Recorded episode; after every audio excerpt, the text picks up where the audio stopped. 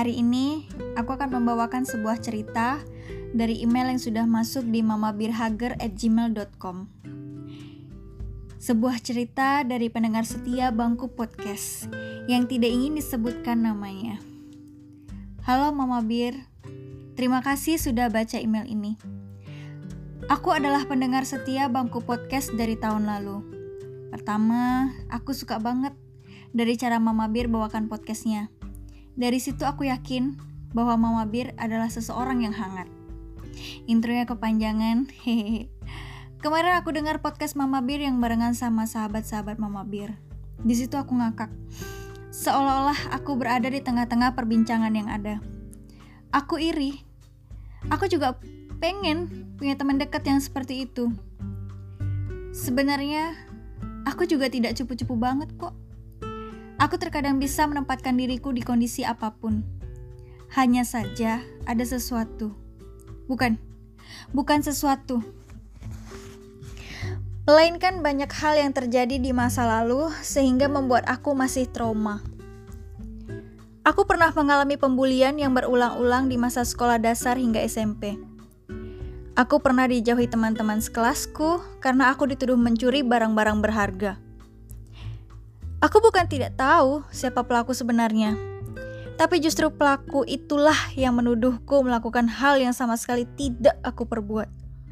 Sampai akhirnya aku berpindah-pindah sekolah. Beruntungnya aku, aku punya mama yang sangat amat mengerti dan juga menjaga aku. Papa, please di skip ya. Dari semua kejadian yang aku alami, membuat aku menjadi orang yang tertutup ketika aku di luar zona nyamanku. Ya, zona nyamanku pasti Mama Bir tahu. Yap, berada di rumah atau saat berdua dengan Mama. Tapi kalau sudah di luar itu, aku menjadi seseorang yang berbeda. Jauh berbeda. Apakah aku akan menjadi seperti ini selamanya, Mam? Aku dekat dengan mamaku, tapi aku tidak berani menceritakan tentang kegelisahanku ini. Aku tidak ingin dia khawatir. Aku ingin sekali mempunyai teman atau bahkan sahabat. Dulu pernah punya, dan dia sangat mengerti dan juga menyayangiku. Aku rasa, tapi aku selalu mendorongnya jauh, menghindarinya karena aku takut akan bayangan masa laluku dan kami sudah lama tidak berkomunikasi. Sekarang aku sedang menjalani masa perkuliahan di semester pertama. Dan teman lamaku juga berada di kampus yang sama, di jurusan yang sama, dan di kelas yang sama. Bagaimana cara aku memulainya, Mam? Apakah dia akan mendorongku dan menghindariku juga? Sedangkan aku ingin berubah. Aku ingin memiliki banyak teman dan juga sahabat Bantu aku, Mam. Terima kasih ya. Sukses terus dan bahagia selalu. Maaf kalau terlalu panjang. Dari hati penggemar setiamu. Hai, untuk kamu seseorang yang sedang berjuang untuk menjadi pribadi yang baru. Salam kenal dari kita bertiga ya. Kita senang banget dapat email dari kamu. Mau kirim yang lebih panjang lagi juga nggak apa-apa kok. Hehe bakalan tetap kita baca, tenang. Anyway, untuk pertanyaan kamu tadi, ini mungkin jawaban yang bakal susah ya, tapi worth it banget untuk kamu coba.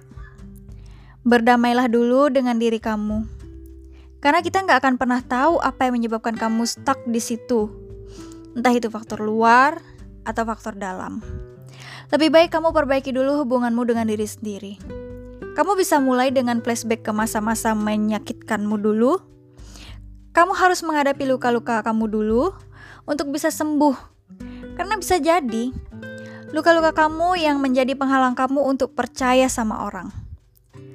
Walau orang itu nggak seburuk yang kamu bayangkan. Semua orang punya trauma masing-masing dengan berbagai ceritanya juga. Kamu pun begitu. Hadapi dulu traumamu awalnya bakal kerasa sakit, nggak nyaman.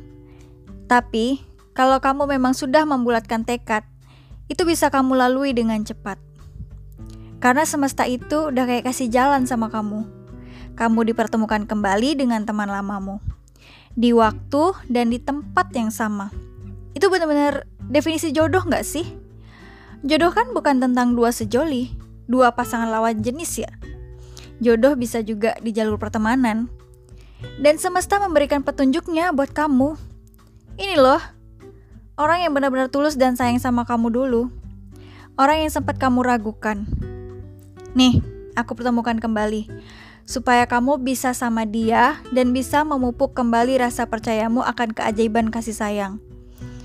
Mungkin aja teman kamu itu sedang menunggu kamu untuk menyapa dia duluan karena dia takut kamu tidak nyaman. Oke. Okay. Jalan kamu masih panjang. Sangat amat disayangkan jika berlalu tanpa ada kenangan menyenangkan. Kamu harus banyak berteman harus merasakan berbagai petualangan. Luka yang lama itu harus segera kamu basuh, biar kamu sembuh dan kamu akan tumbuh. Yakinlah, tidak ada yang menyeramkan dari apa yang dibayangkan. Bayang-bayang selalu menakutkan, tapi jika kamu tidak menghadapi, kamu nggak akan tahu sampai di mana batas keberanianmu. Selamat menapaki babak baru dalam hidup kamu. Sukses untuk pendidikanmu, Semoga berhasil mengalahkan diri sendiri, mengalahkan sakit yang buat sulit. Terima kasih atas cerita yang kembali mengingatkan kami betapa banyak kamu-kamu di luaran sana yang masih merasa selalu sendiri dan tak percaya akan kasih sayang. Saya yakin dan percaya itu. Pelan-pelan ya. Pelan-pelan kami akan tunjukkan bahwa kasih sayang itu menakjubkan okay? take care di mana pun kamu berada, jaga kesehatan, jangan telat makan, jangan begadang. I know you're amazing people. Don't say no before you try. I love you.